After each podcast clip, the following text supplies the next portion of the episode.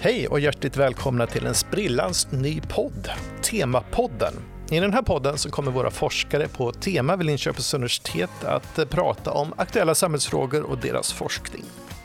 Och om du undrar vad Tema är för någonting så kan man kortfattat säga att på Tema så jobbar vi tvärvetenskapligt inom naturvetenskap, humaniora, teknik och samhällsvetenskap för att öka förståelsen för och hitta lösningar på viktiga framtidsfrågor. Jag heter Per Wisbornebell och jobbar som kommunikatör på Linköpings universitet och jag är i alla fall upprymd över att få leda denna podd. När vi spelar in den här podden så skriver vi den 30 april 2020 i kalendern och sedan ett par månader eh, tillbaka så är det bara ett enda ämne som varit på alla läppar. Corona, eller covid-19 som är den medicinska termen på sjukdomen. En av många effekter av den här globala pandemin är att hela länder sätts i karantän och att befolkningen tvingas hålla sig inomhus för att försöka stoppa smittspridningen, vilket i sin tur innebär drastiskt minskade koldioxidutsläpp när fabriker stängs ner och resandet minskar. Så är dagens coronakris ett gyllene tillfälle för en mer hållbar värld. Det tänkte jag att vi skulle försöka reda ut i dagens avsnitt av Temapodden. Och med oss idag så finns Björn-Ola Linnér, eh, professor vid tema miljöförändring och Eva Lödbrand, universitetslektor vid tema miljöförändring och föreståndare för Centrum för klimatpolitisk forskning. Och eftersom vi har då coronatider så finns Björn-Ola här i studion, naturligtvis på ett par meters avstånd för säkerhets skull. Och Eva sitter hemma i köket i Stockholm på garanterat smittfritt avstånd. Välkomna hit båda två. Tack. Tack så mycket. Om jag börjar med dig då, Björn-Ola. Som eh, klimatforskare, hur ser du på den här minst sagt unika situationen som vi befinner oss i just nu?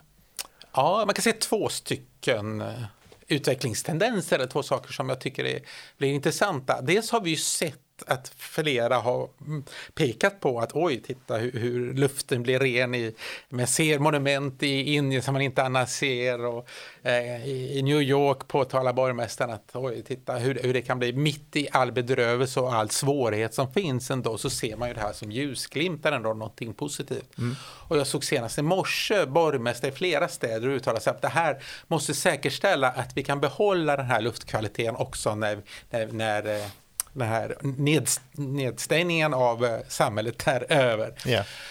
Så, och det, så det är en sak. Mm. Men sen är det väldigt viktigt att inte man associerar eh, den här enorma påfrestningen som det är för samhället och att, att folk får sitta i karantän och, och begränsa sina liv med klimatomställning. För det är inte alls det som vi pratar om i litteraturen med klimatomställning när det handlar om nya sätt att leva våra liv, organisera våra samhällen som, ska vara, som är bra för vår hälsa, för vårt sociala liv, för biodiversitet och, och, och också i, för flera industrier. Mm, mm. Det andra är ju att vi då ser också en kamp mellan två stycken narrativ eh, i globalt sett. Det ena är ju att vi stänger gränserna, vi ska eh, säkert hålla de andra borta mm. och vi ser en ökad protektionism och så. Och så, och det ser vi det, å ena sidan. Å andra sidan så ser vi då vissa länder som vill marknadsföra sig som att de är medhjälparna här i världen. Det är de på, är pålitliga partners. Mm geopolitikens generositet. Va? Så det är lite polarisering där? Alltså vi ser både och. Och i båda ja. de här fallen kan man säga att vi vet inte riktigt vart vi kommer ta vägen då. Vi har ju sett att eh, historiskt sett när vi gör återhämtningar, det är då som vi kan, eh, då får vi en enorm rekyl vad det gäller koldioxidutsläpp. Vi såg en nedgång i de globala utsläppen 2009 och sen tog det väldigt mycket fart efter det, när vi, eller 2008-2009, finanskrisen. Men vi såg också investeringar i förnybara eh, energitekniker som jag tror att vi nu skördar. Alltså de enorma utvecklingen på solcellsområdet var nog till dels en del i dem eh, att det fanns satsningar på eh, forskning, utveckling, demonstration och spridning av förnybar energiteknik som en del i de här paketen, äh, återhämtningspaketen 2008-2009. Men, men det vägde inte upp mot den enorma koldioxidsatsning som vi fick sen då. Eva? Hur ser du på det? Ja, men jag tycker eh, Björn-Ola har, har, viktiga poänger här. Alltså först och främst är det ju en stor skillnad mellan den nedstängning vi ser av samhället idag och den långsiktiga omställning som krävs för att vi ska kunna eh, handskas med den här eh, klimatproblematiken som vi står inför. Ehm, så att jämföra ehm, dagens krishantering då ehm, med den långsiktiga omställningen, klimatomställningen blir därmed lite orättvis. Men jag delar den här bilden som eh, Björn-Ola har eh, med att vi, vi, vi står inför eh, lite motstridiga tendenser här. Alltså å ena sidan då så har vi den här nationalistiska och, och auktoritära impulsen i flera länder med digital övervakning av, av befolkningen och det här att vi stänger gränser och vi värnar om den egna befolkningens väl och ve istället för att hjälpa andra. Eh, och såklart att den, den impulsen finns också i klimatpolitiken. Det, mycket av den politiska Eh, diskussionerna har ju handlat om genom åren vem som ska bära kostnaden för utsläppsminskningarna, vem ska bära kostnaderna för effekterna av ett förändrat klimat, vem är ansvarig och så vidare. Eh, men vi ser ju också och, eh, att krisen skapar solidaritet och samarbete och det är ju både över landsgränser men också väldigt lokalt.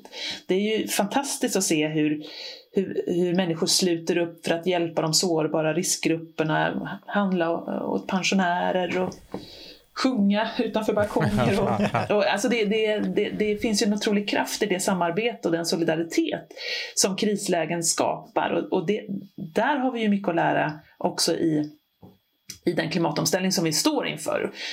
I, i klimatfrågan handlar det då om att, att den solidariteten och det samarbetet ska sträcka sig över nationsgränser, att vi ska känna ansvar och, och, och ut, eh, utkräva ansvar för sårbarheter och, och, och liksom kostnader på andra platser på jorden. Och, och, och det är därför vi behöver starka multilaterala institutioner. Ja. ja. Ja, men jag, jag tycker att det, det, det är jättebra, kul exempel, för vi får ju nya hjältar i samhället, så på så sätt kan man säga att lite grann av samhällsklimatet förändras ju. Vi, vi ser var är, var är de samhällsbärande yrkena? Och, och, hur många har inte sett att ja, men det har vi slarvat med, vi har bortprioriterat det som är viktigt, vi har sparat där det är fel, vi, eh, vi förhoppningsvis så kvarstår tacksamheten till de som verkligen gör samhällsbärande insatser nu. Så jag tror att vi får grogrunden till ett annat sätt att se på vårt samhälle och vad det är som är viktigt. Det, det, så det, jag tycker precis som du säger där, men jag, jag, tror också den här solidariteten som vi kan se när folk står och sjunger på, på, på balkonger eller, eller, eller på andra sätt visar sin tacksamhet, vilket är fantastiskt roligt, eller sträcker ut en mm. hjälpande hand eller omskolar sig för att bidra. Eh, men vi ser ju också sådana tendenser internationellt som du var inne på. Jag tänker på den här artistgalan som i och för sig inte själv så, men som samlar in miljarder till, till eller över en miljard i alla fall, till, till, till WHO sammanlagt. Det är helt fantastiskt alltså Världshälsoorganisationen, i ett läge när, när Trump-administrationen i USA har sagt att nu drar vi tillbaka vår mm. finansiering här för dem. Ja, man måste ha någon att skylla på. Mm. Eh, så har vi sett både då det civila samhället träda in och visa sin solidaritet med såna, en sådan organisation som naturligtvis inte bara är, liksom, det finns ju många problem med den också, men det är ett tecken på att man, man, man visar det, det multirala, hur viktigt det är. Ja. Förutom att många länder också har ökat sina bidrag. Det är verkligen superhäftigt eh, mm. det, det som händer just nu. De här minskade koldioxidutsläppen i, som, som vi har just nu, hur, hur stor roll spelar de, Eva? Ja, såklart att det spelar roll att koldioxidutsläppen minskar och, och såklart det spelar roll att vi har bättre luftkvalitet över eh, Europas städer och, mm. och så vidare. Men det är ju de långa utsläppsbanorna som vi måste bryta för att, komma, eh, för att kunna handskas med klimatfrågan. Och där, där vet vi att, att eh, vi står inför stora utmaningar. Eh, sen klimatförhandlingarna inleddes i början av 90-talet så har de globala utsläppen ökat med 60 procent. Sen är det eh, på vissa håll som de faktiskt också har minskat. Sverige har minskat sina utsläpp med 25 procent sedan 1990. Men, men den, den stora globala trenden går ju åt fel håll. Och, och, för att komma åt de utsläppen så, så, så måste vi börja jobba långsiktigt med eh, en, en, eh, en samhällsomställning som innebär att vi styr bort från fossila infrastruktur, energi och transportsystem. Vi måste fördjupa investeringarna i förnyelsebara energiteknologier, diversifiera regional, regionala ekonomier som just nu är väldigt beroende av fossila industrier och så. Men det handlar ju också om sådana här saker som att förändra våra konsumtionsmönster, resemönster, kanske sänka takten i det sociala livet, Det finns ju också i eh, forskningen väldigt mycket kritik mot ett tillväxtparadigm som driver världsekonomin och som många av våra välfärdssamhällen vilar mot också. Så det finns en samhällskritik eh, eh, eh, som ligger till grund för också delar av den här eh, omställningsrörelsen som är mycket mer långsiktig och som, som krävs för att Skulle man kunna summera det som att coronakrisen kanske kan vara en rejäl ögonöppnare då för vad vi har pysslat med tidigare och vad vi då kanske ska fundera på att vi kanske inte ska göra när vi går tillbaka till någon slags normalläge för att det ska vara hållbart. Ja, absolut. Sådana här, såna här disruptiva händelser som, som, eh, som det här är ett exempel på, det är ju så att då, då omprövar vi våra, våra vanor, våra rutiner eh, och hur, hur, hur, vi agerar till vardags. Absolut. Mm. Så det kan ju vara en, en ögonöppnare. Det, det, men mm. det, det, vi får se vad det innebär. Mm. Finns det någon risk, risk rent att man på något vis kopplar nedstängningar och karantän med miljöfrågan? Har jag tänkt.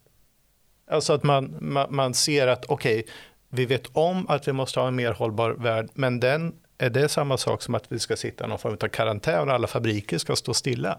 Förstår ni min farhåga ja. där? Mm. Ja, nej, men det här är ju inte en attraktiv eh, omställning att sälja till befolkningen. Alltså, mm. så, så, helt uppenbart måste ju eh, klimatfrågan hanteras på ett annat sätt än en samhällsnedstängning.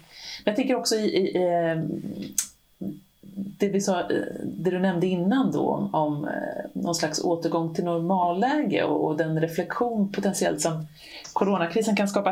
Alltså jag tänker att normalläge är ju det som vi alla drömmer om nu när vi befinner oss i ett krisläge. Vi vill Verkligen. återgå till eh, hur livet var innan eh, krisen eller pandemin eh, rullade ut.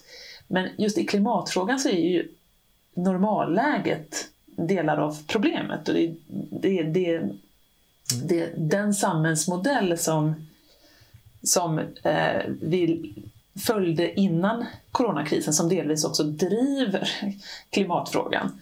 Så, så därmed finns det, det finns ju en underliggande samhällskritik i klimatdebatten som, som kanske också eh, coronakrisen aktiverar. Men det är klart att det är en, en mycket mer fundamental liksom, eh, eh, omställning som, som krävs.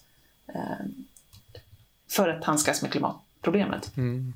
Mm. Jag, jag, tänker lite annorlunda där kring, kring det här med normalläget då, för att jag tänker att, att det normalläge som vi längtar tillbaks till det är ju det här med sociala umgänget och ha mm. våra jobb tryggade där. Jobbets koppling till koldioxidsamhället i och för sig, där, där, där håller jag helt med dig Eva.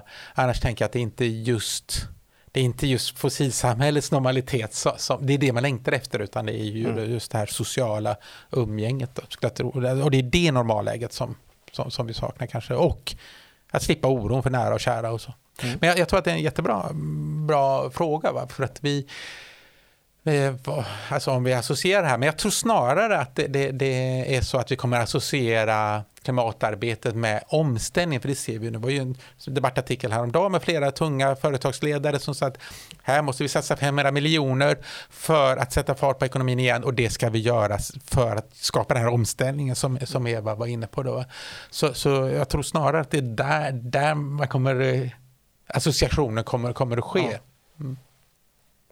Men, alltså det, men man kan säga att det finns ju en svårighet om vi säger att vi, vi har nu minskat utsläppen, tror jag, till 4% just nu, eh, de globala koldioxidutsläppen. Och vi vet att vi varje år måste minska dem med 6% för att ligga i linje med Parisavtalets mm. ambitioner. Då, då, då ser man ju, och då kan man ju verkligen göra, då kan det bli en aha-upplevelse, oj vad mycket vi måste göra, eller så blir det, oh shit, då, ja då, då orkar vi inte. Då är det kört.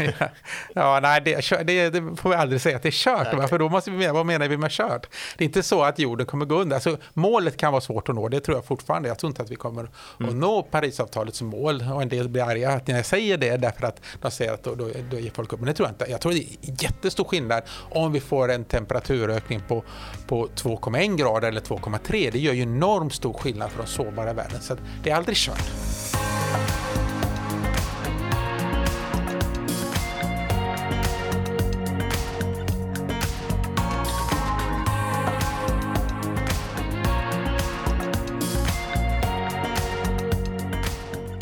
Eva, den här forskningen som eh, bedrivs här på, på tema, hur, hur kan den bidra till en mer hållbar värld? Ja, jag tänker att det är väl delvis det Björn-Ola pratar om här. Ehm, jag tänker att forskningen och även grundutbildningen ska vi inte glömma bort här, är ju mm, plattform plattformar eller forum där, vi kan föra den här typen av, av kritisk men också konstruktiv diskussion om vad det hållbara samhället kan vara och vilka vägar vi kan ta för att nå dit. Och jag tänker akademins styrka är ju liksom att det är en plats där idéer och perspektiv kan brytas. Alltså vi har möjlighet och tid att ta oss an de, de svåra frågorna som har att göra med med de vägval vi står inför, de normer, samhällsstrukturer, maktrelationer, sociala orättvisor som en sån här omställning blottlägger. Så jag tror att vår roll är att eh, fördjupa samtalet om den hållbara värld som vi strävar efter. Eh, men också föra ut de här idéerna i samhällsdebatten. Och här tänker jag att vi kan hjälpa till att nyansera och, och problematisera de här vägvalen som i slutändan är eh, en del av en politisk och demokratisk diskussion i mm. samhället i stort.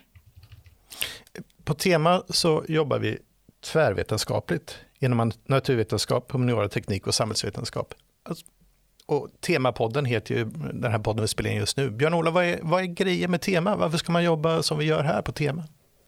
Ja, det, det, är ett viktigt, eh, det är en viktigt komplement och inte bara komplement, det kanske är, det har en stor inspiration för många forskningsinstitutioner, både i Sverige och internationellt, att organisera forskningen tvärvetenskapligt. Och, och det gör vi därför att vi studerar samhällsproblem, eh, samhällsutmaningar kanske snarare, eh, som, som vi har teknik och social förändring, vi har tema miljöförändring, vi har vi har barn och vi har genus just nu som eh, viktiga samhällsutmaningar som vi, vi studerar. Och då behöver man för att kunna adressera det här, både genom djup grundforskning och tillämpad forskning, eh, brett sammansatta forskningsgrupper. Så det är därför det behövs. Och därför har vi också en viktig röst nu i den här diskussionen. För det här, när vi vi använder begreppet omställning här. Då, alltså, och jag har sett mer och mer på svenska så används begreppet transformation. Det är också det begrepp som används inom EU till exempel när man säger att EU måste transformeras nu. Alltså det här handlar om djupgående systemförändringar, alltså strukturförändringar i samhället som inte bara handlar om ekonomi eller teknik utan det är samhällstransformationer eh, inbegriper både sociala, kulturella eh, ekologiska, och teknologiska, ekonomiska och politiska eh, omställningar eller transformationer då, som samverkar. Och eh, då behövs ju ett sånt här brett grepp. Och då kan man säga att då behövs ju inte bara ett enskilt tema som tema miljöförändring utan där har vi en styrka att kunna samverka mellan temana för att förstå hur en sån här djupgående transformation, vad det kan innebära, i vilken mån vi kan styra den och, och i så fall hur de olika alternativen ser ut, vart vi ska styra den. Då. Och där kan man säga, nu ska jag släppa in Eva här, för vi ser ju inte Eva, det är nackdelen här när man inte riktigt kan ha den interaktionen.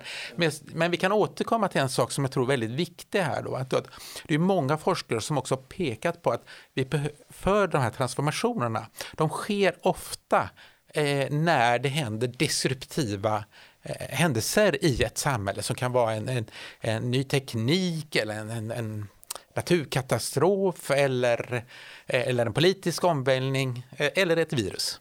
Eva, vad är, vad är unikt med det som görs här på Tema och jobbar tvärvetenskapligt? Jag tycker Björn-Ola sammanfattar det väldigt eh, väl där. Något som man kanske kan tillägga, eller som ja, från mitt perspektiv är, är speciellt med Tema, är, är ju den här möjligheten att låta olika perspektiv brytas. Naturligtvis är ju det någonting som sker i akademin i stort, det är inte unikt för tvärvetenskap, men kanske är det ändå så att tvärvetenskapen öppnar upp för en del samtal som inte hade hänt eh, i en vanlig disciplinär miljö.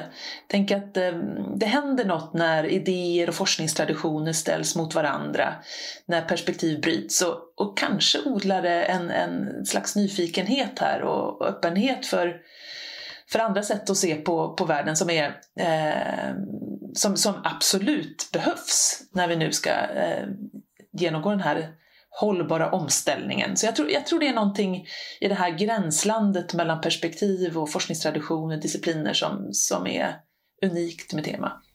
Mm. Och som gör att det är roligt att jobba här. Eh, för att avsluta då, eh, om vi tittar i kristallkulan lite. Eva, om du tittar tillbaks eh, våren 2030, vad har vi lärt oss det som händer just nu då, tror du? Ja, det ska bli jättespännande att, att, att göra det arbetet 2030. Men jag tänker att någonting som eh, redan nu eh, blir ganska tydligt eh, är att ett välfun en välfungerande samhällsomställning måste planeras och styras. Nedstängning är inte ett eh, hållbart alternativ i längden och det kommer inte bygga något demokratiskt stöd för långtgående klimatåtgärder. Så jag tror att vi, vi ser att, att eh, eh, staten, och framförallt välfärdsstaten och dess demokratiska institutioner behövs för att skapa en känsla av säkerhet och trygghet när individ, individens egna skyddsnät fallerar. Vi ser att marknaden klarar inte av att ta ansvar för de kollektiva värdena fullt ut. Vi ser sårbarheter i en globaliserad, eh, sammanlänkad ekonomi och så.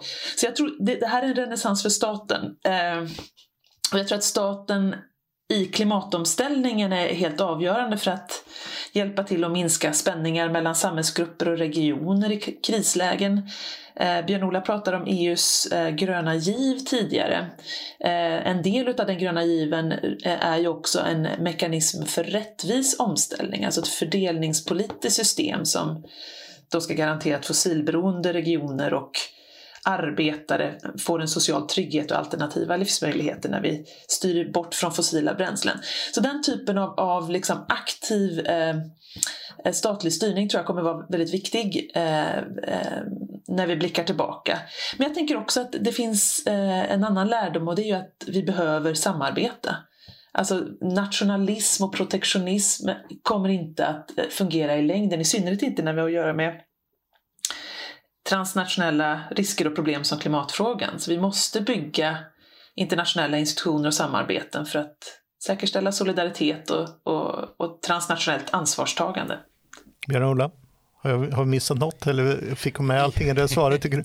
ja, eh, det, hur, det, hur vi tänker oss att det ska vara om tio år? Mm. Ja, det, jag håller med helt med Eva att det är ju eh, blir otroligt intressant eh, att, att se. Det här är, tycker jag, ett, ett, det här är ett historiskt ögonblick. Jag tycker att det är ofta vi sätter oss själva på, på historiens eh, centerscen eh, och det, det, är inte alltid, stämmer inte alltid. Men, men här, det här är ju en händelse, vi har inte upplevt en sån disruption av sociala strukturer och ekonomi sedan, sedan depressionen på 30-talet. Alltså det är helt klart att här är det ju en, en, stor, stor händelse. Det kan ju hända att vi om tio år säger att okej, okay, blev en liten bump men sen fortsatte samhället och koldioxidanvändning ungefär som, som tidigare. Det kan också bli, som vi varit inne på, alltså sådana här tider av social oro, då, då ifrågasätts ju rutiner, sociala strukturer och så vidare. Det kan ju innebära en, en, en återgång till mer, eller en förstärkning av populism och isolationism och så som vi var inne på förut. Eh, men det kan ju också vara så att vi tänker oss att ett, ett annat liv är möjligt. Det, den historikern eh, eh, William Sewell har, tycker jag, formulerat det väldigt bra. Han menar att sådana här störningar eller destruktiva händelser skapar en djup osäkerhet hur vi går vidare i livet.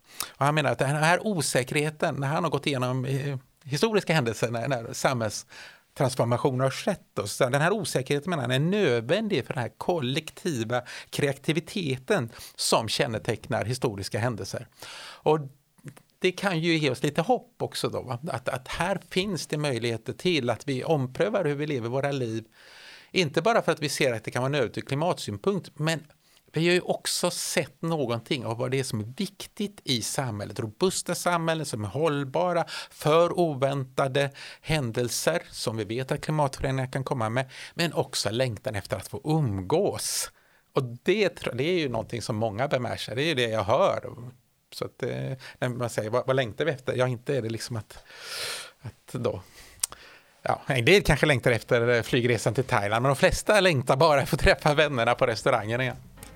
Ja, vi får väl se vad vi har lärt oss av dagens unika situation. Men det vi med all säkerhet eh, kan säga är att du precis hört det allra första avsnittet av Temapodden. En podd som handlar om allt spännande som händer här på Tema vid Linköpings universitet. tack Björn-Ola Linnér, programchef för Mistra Geopolitics och Eva Lövbrand, biträdande programchef för Mistra Geopolitics och föreståndare för Centrum för klimatpolitisk forskning. Och naturligtvis stort tack till dig som har lyssnat. Har du synpunkter och tankar kring det du precis har hört så kan du mejla dem till temapodden liu.se. Och vill du veta mer om den forskning som Björn-Ola och Eva sysslar med så finns det länkar till den i beskrivningen till detta avsnitt. Och vill du lyssna till fler poddar från Linköpings universitet så finns det ett gäng att titta på adressen liu.se podcast. Om du gillar det du precis har hört så skulle vi uppskatta om du vill gå in på iTunes och betygsätta Temapodden för då kanske fler lyssnare får chansen att upptäcka denna podd. Jag heter Per Wisbonebell och den 1 september är vi tillbaka med fler avsnitt. Vi hörs då!